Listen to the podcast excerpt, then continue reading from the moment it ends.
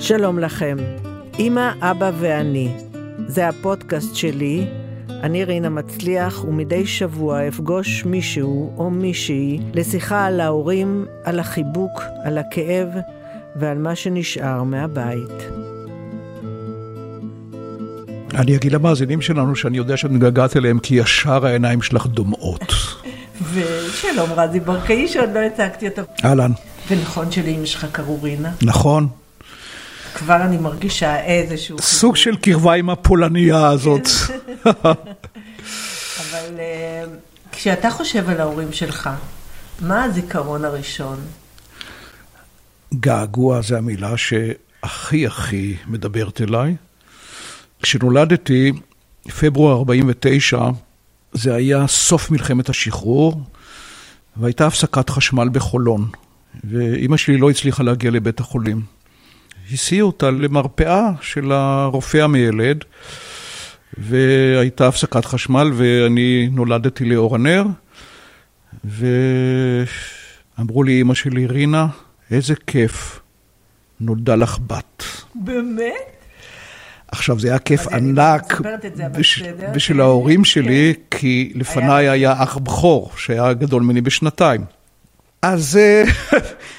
אה, זה, סיפור מדהים. זה הסיפור שרץ... נולדת לחושך. נולדתי לחושך. אני יודעת שאת אח שלך הבכור, אתם אה, שכלתם בתאונת אימונים. זה היה תרגיל יד מבוצר, שמישהו ירה בו בטעות, ואני הייתי אז בן 17. ואני חושב על הביוגרפיה שלך ושלי, שאנחנו שנינו אה, בני נוער. אני בן 17, את היית אה, בת 14 כשאחיך נהרג. באותו אסון, אסון טבע נורא, גם הוא היה אז בצבא. ואני חושב על זה, ומעניין אותי אם זה גם מה שאת חושבת על עצמך, שאת השכול ראיתי רק דרך העיניים של ההורים שלי. כלומר, ידעתי שצריך לכאוב, אבל רבאק, אני בן 17, כל העולם לפניי, כל הבנות לפניי, הכל לפניי, אני הייתי אז בפנימייה הצבאית של בית הספר הריאלי. ורק לימים כמובן כשנעשיתי אבא, אז הכל התחבר לי, אבל כשהבטתי בעיניים הריקות של ההורים שלי, שבינתיים נולדו להם שתי אחיות תאומות, יש לי שתי אחיות צעירות שהן תאומות, ולראות את הכאב ואת השכול, לראות את העיניים של אבא שלי. אימא שלי הייתה בן אדם יותר, אה, יותר מסיבתי, ויותר פתוח, ויותר... אבא שלי נכנס ליגון שאין לו שיעור. אתה יודע שזה כל כך מעניין, כי אני, בגיל 14, חשבתי לעצמי אחר כך, לא בזמן אמיתי, מזל שזה קרה כשהייתי בגיל 14, כי יצאתי לקורס מדריכים מיד של התנועה, וכי זה גיל כזה שהחברה נורא חשובה, וזה מאוד עזר לי להתגבר, זה מאוד דומה למה שאתה אומר עכשיו. כן, אני התגייסתי שנה אחרי שהוא אבל, נהרג. אבל, אבל אצלנו במשפחה, מעניין אם זה גם אצלכם, יש את החיים לפני ואת החיים אחרי, כאילו, מסומן. חד משמעי. אני הלכתי לגדוד שהוא שירת בו, ל-202 בצנחנים, פחדתי פחד מוות, אבל לא העזתי להגיד את זה לאף אחד. זה היה אחרי מלחמת ששת הימים, מלחמת ההתשה, ואני חושב על ההורים שלי, שהבן השני שלהם הולך למקום שבו אחיו נהרג. טוב, לא רציתי להיכנס איתי להיסטוריה, אבל, אבל זה חלק מהדור של ההורים שלנו, שבשבילם הנס של ישראל היה גם בקטע של ללכת לצבא לחיל קרבי. תראה, אח שלי התגייס לקורס טיס אחרי שאחי נהרג. והסיפור הכי עצוב היה, הוא עף כמובן אחרי זה, הוא היה בדיכאון כמובן, שהוא היה מגיע לתחנה המרכזית, מחליף את המדים לבגדים אזרחיים כדי להיכנס הביתה בבגדים hmm. אזרחיים. כדי לא להציב עוד יותר את אימא שלי. מה, נדבר עכשיו חצי שעה על לא, שכול? לא, לא נדבר על שכול, אבל אולי נדבר על אה, למי היית יותר מחובר. משני הוריי, חד משמעי לאימא שלי. כלומר, המחשבה שלי עליה גורמת מצד אחד לגעגוע גדול, מצד שני לרתיעה גדולה. כי אימא שלי הייתה, קודם כל היא הייתה אישה יפייפייה. אני צריך להגיד עוד משהו היסטורי. אבי היה רווק בן 44, שהתאהב בקשרית שלו בארגון ההגנה שהייתה בת 22. היו ביניהם 22 שנה הבדל. והייתה אהבה? בשנים הראשונות בוודאי. אימא שלי מאוד העריכה את אבא שלי. כשאבא שלי היה לקראת שנת ה-60 לחייו, והוליד את שתי אחיותיי התאומות, וכמה שנים אחרי זה, ב-66, כשאחי נהרג, אז אבא שלי לאט לאט אה, איבד את זה, ואימא שלי עדיין הייתה בשיא תפארתה הנשית והמקצועית, ואני חושב שהייתה אהבה גדולה והערכה גדולה, שעם השנים, כמו שקורה להרבה זוגות, קצת דעכה. והבית היה בית חם? עד זה שצחי, כך קראו לאח שלי, נהרג, היה בית מאוד חם, מאוד משתף, מאוד... אה, אם כי עד היום, אני שואל את עצמי, קיבינימט, למה שלחתם אותי לפנימייה הצבאית של הריאלי? כאילו, הם היו עם, עם שתי בנות צעירות, ועם אח מבוגר, שאני לא צריך לספר לך מה הייתה מערכת היחסים ביני ובינו, היה שנתיים הבדל, ברור לגמרי שהיו מכות רצח, ואותי הם שלחו לחיפה. למה? תראי, יש התשובה הגלויה והתשובה הסמויה. התשובה הגלויה זה שאז בית הספר הריאלי והפנימייה הצבאית בשנות ה-60 היו הגשמה. לא קיבוץ, אלא סוג של הגשמה. הולכים, חותמים קבע מראש, נמצאים במערכת חינוך אה, טובה והולכים להיות בקצונה בצבא. זו התשובה הגלויה. התשובה הסמויה, לאמא שלי לא היה כוח. את דווקא אותך? כן. לא היה לה כוח לארבעה ילדים? נכון. אימא שלי הייתה הכל. גרנו באפקה, לנסוע לירושלים, לעבוד, לחזור, לעשות ארוחות ערב, לדאוג לילדים, ואני חושב שלא היה לה כוח. אתה נעלב כשאתה נזכר בזה? לא, עלבון זה לא המילה, עצב. עצב. זה ישב לך עליה כל הזמן? אני חושב שקינאתי באח שלי מאוד. הוא היה יפה תואר. הוא היה מועדף? אני חושב שכן, על אבא שלי בוודאי. באמת? כן. כאילו, בהרגשה שלי, כן. הוא היה מועדף, הוא היה גבוה, נאה, הוא היה... וואו, הוא היה נסיך השכונה. לימים... הם הסתפקו בך. נכון. לימים הסתפקו בי, ואני חושב שהם מאוד אהבו אותי. הם מאוד היו גאים שהלכתי לצנחנים, הם מאוד היו גאים בזה שבחרתי אה, להיות עיתונאי. כן. אגב, לפני שנתיים-שלוש, וחמישים ומשהו שנה אחרי שאחי נהרג, עשינו אה, פגישה בבית הקברות, והגיעו גם שתי חברות שלו, ושאלתי שם, תגידו, מה אתם חושבים שצחי היה, לו הייתה לו בחירה מה להיות כשהוא יהיה גדול? ואז החברה שלו מהתיכון אמרה, תגיד, אתה באמת לא יודע? הוא רצה להיות כתב בכל ישראל. תשמעי, אני הייתי מת. כאילו באותו רגע הרגשתי שלא ידעתי.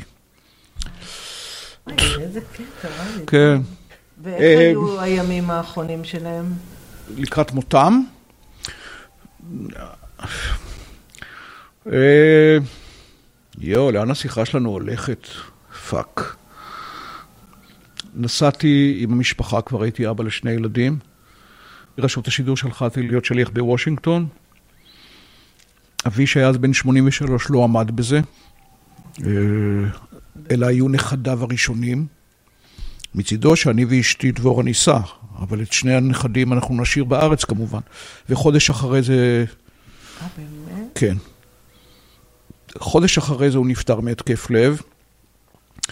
אימא שלי, שהייתה כאמור צעירה ממנו, רגע, אבל נדלג על זה, זה לך רגשות אשם? אוי, רינה, הכל בשיחה אחת? כן. הייתה לי המון אשמה. אה, ומעולם, אפרופו זה שההורים שלנו באמת ראו בכל דבר שקורה לילדים שלהם איזה סוג של גאולה. והוא כל כך היה גאה במה שקורה למשפחה שלו, אפילו לא במבט, לא קיבלת ממנו תחושה של, רזי, אתה יודע שזה השנים האחרונות שלי. כן, ואימא שלי נפטרה הרבה שנים אחרי, עשרים שנה אחרי. גם היא נפטרה מהתקף לב. תוך כדי זה שהיא שוכבת בבית חולים, בחדר טיפול נמרץ, היא עדיין מטפלת בבחירות. היא הייתה בן גוריוניסטית ושמעון פרס, כאילו שם זה היה, זהו. אז אה, דקות לפני שנפטרה היא התעסקה בארגונים לקראת הבחירות. רינה, אני גדלתי בבית מפאיניקי.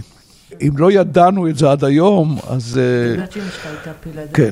ואז היא קיבלה התקף לב וזהו, היית על ידה? הייתי על ידה עשר דקות לפני, נתתי לה לאכול שניצל, הלכתי, אחותי החליפה אותי. אמא שלי דיברה איתי על הכל, אפילו רצתה לעשן סיגריה. ועשר דקות אחרי זה, אחותי מתקשרת, רזי, אמא נפטרה. אז מבחינה זאת, הוריי לא סבלו. אבל עדיין, היא נפטרה בגיל צעיר מדי. היא נפטרה בגיל 72, ו... כן. אתה נזכר בהם הרבה? הרבה מאוד.